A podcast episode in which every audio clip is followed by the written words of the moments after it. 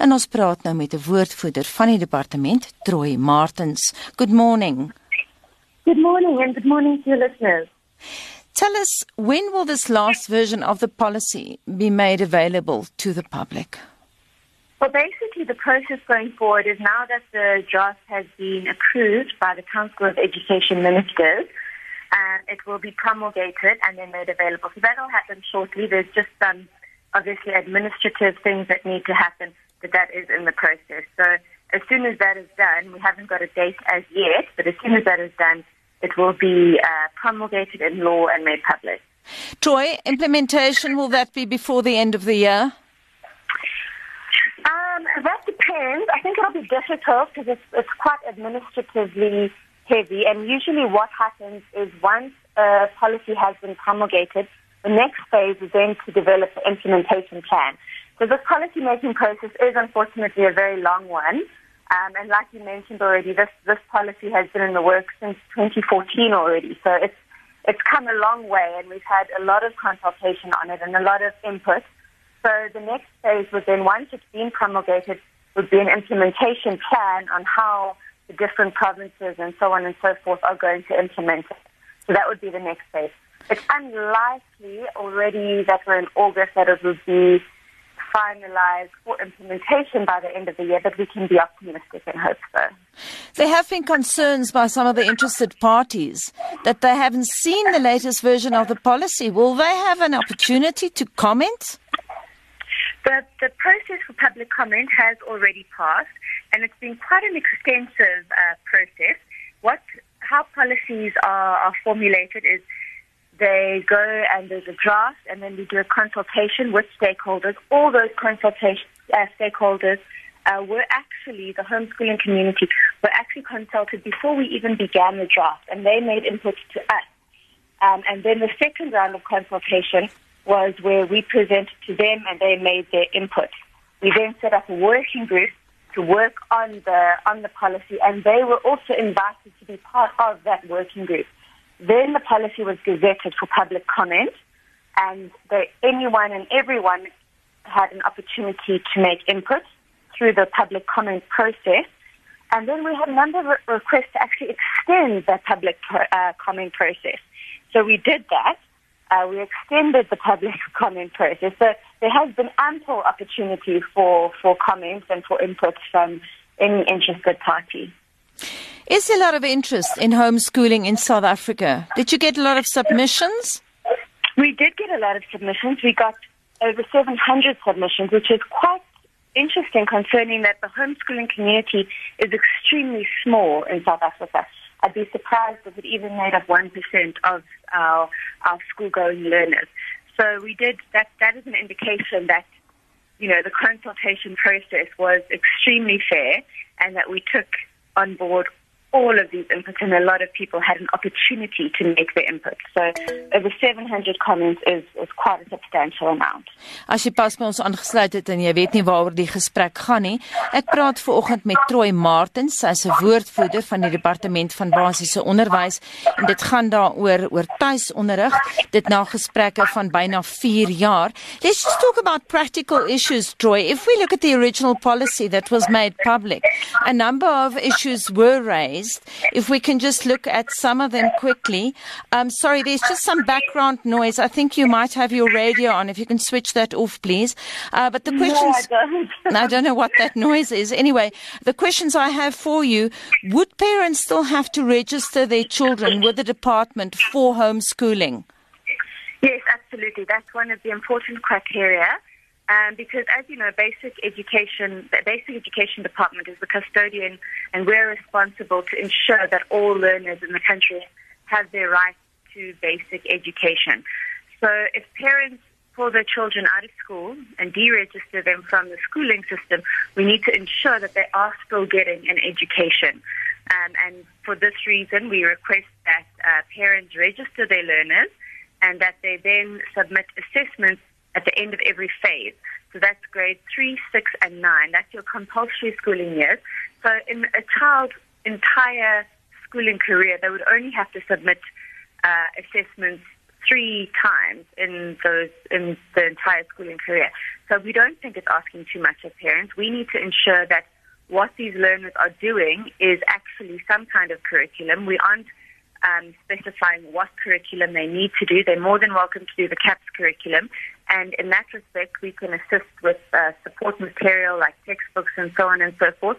But some parents would like to elect to do other kinds of curriculum. For example, you have your I know a lot of the homeschooling community do the Cambridge curriculum, for mm. example, and we're not we're not being um, you know um, authoritarian about what curriculum they do, just as long as it is a curriculum that is at a standard that is either equal or higher than the current public school um, offering. So, you know, it's really important that these children who are taken out of school are not left um, at the end of the day with an without being recognized as having gone to some kind of school. Um, and this is why it's important that we ensure that they register and that the relevant monitoring is done so that they can be recognized as having attended school. A lot of homeschooling parents will perhaps homeschool for primary school and then want to send their children back um, in, say, grade 8 or 10 or so on and so forth. So it's really important that there is that recognition of learning that they have registered. So I don't think that's a, that's something that's that's a tall ask. I think it's very important for the rights of the learners themselves to be in, ensured that they are getting a quality education. Thank you very much. Dit dan 'n woordvoerder van die departement van basiese onderwys, Troy Martens. En ons bly by die storie en ons praat nou met die voorsitter van die Pestalozzi Trust vir tuisonderwys, Boue van der Eems. En die trust was een van die belanghebbende partye wat insette oor die beleid gelewer het. Goeiemôre. Uh, Goeiemôre, baie dankie vir die geleentheid. Ek verstaan jy het nou ingeluister na die onderhoud wat ek gevoer het met Troy Martens. Is daar uh, eerstens enige kommentaar wat jy te lewer het oor wat sy gesê het? Ja, ek dink die eerste punt is die die uitgebreide konsultasieproses. So inderdaad, daar was vergaderings in 2014 en 2015 tussen verteenwoordigers van die tuisonderwysbeweging en die departement En tydens hierdie vergadering het 'n konsultant van die departement 'n dokument dokument opgestel wat bekend staan as die second draft document. En die uh, tuiskolers is baie uh, positief oor daardie dokument. Maar ongelukkig na daai vergadering, toe die proses van beleidskrywing begin, is daar totaal afgewyk van die aanbevelings wat in daai dokument gemaak is en dit was duidelik vir die wat in die begin deel was van die werkgroep dat daar 'n vooropstelde agenda was en dat die verteenwoordigers van die tuiskolers gewoon daar was om legitimiteit te gee aan 'n proses uh, wat afwyk van die oorspronklike ooreenkoms. Boue, jy sê nou so, nou daar was 'n soort agenda. Watter soort agenda? Wel, die die wat voor ehm um, voorgestel is in die second draft document is dat daar onafhanklike navorsing gedoen gaan word en dat daar twee geleenthede van terugvoer gaan wees. Die eerste geleentheid gaan wees wanneer die finale draft document ehm um, vrygestel gaan word wat dan die basis gaan vorm vir die beleid. Daardie geleentheid het nooit gekom nie. Daar is nooit verder gegaan met die draft discussion dokument nie. Verder is ehm um, in verder het die het die dokument aangevoer dat ehm um, weet alle verdere gesprek moet gebaseer word op onderlinge vertroue. Maar omdat hulle reeds die die ooreenkoms gebreek het dat daar onafhanklike ehm um, navorsing gaan wees en twee geleenthede vir ehm um, terugvoer uh is daardie um, vertrouensverhouding gebreek. Ons praat veraloggend met Boue van der Eems. Hy is voorsitter van die Pestalozzi Trust vir tuisonderwys.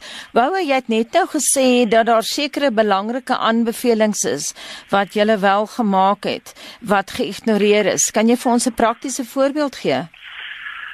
Ehm um, die Die Pestalozzi Trust saam met die verenigings het uh, was by daai vergaderings in 2014-2015 en ons het uh, as koalisie 'n dokument oorgedra aan die departement waar ons voorgestel het dat die um, monitering van tuiskolers gebaseer word op die beginsels van die kinderwet.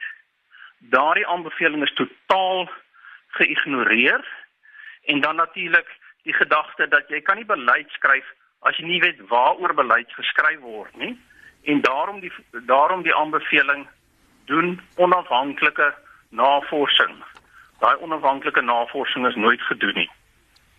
Wat sou jy nou voorstel as jy nou met die regering kon praat en nou vir hulle sê ek wil julle met dit of dat doen? Wat sou dit wees? Goed, die eerste probleem met die beleid is dat dit uh vrygestel word voordat die veranderings in die onderwyswet gemaak word. Beleid is daar om aan amptenare ehm um, rigting te gee hoe om 'n wet te implementeer. Nou tans is daar die hoogs omstrede wysigingswet op op ehm um, basiese onderwys, die sogenaamde Bella Bill wat ehm um, wat vir kommentaar vrygestel is in Oktober verlede jaar. En en daar word ook veranderings in artikel 51 oor die tuisonderwyswet uh aanbeveel.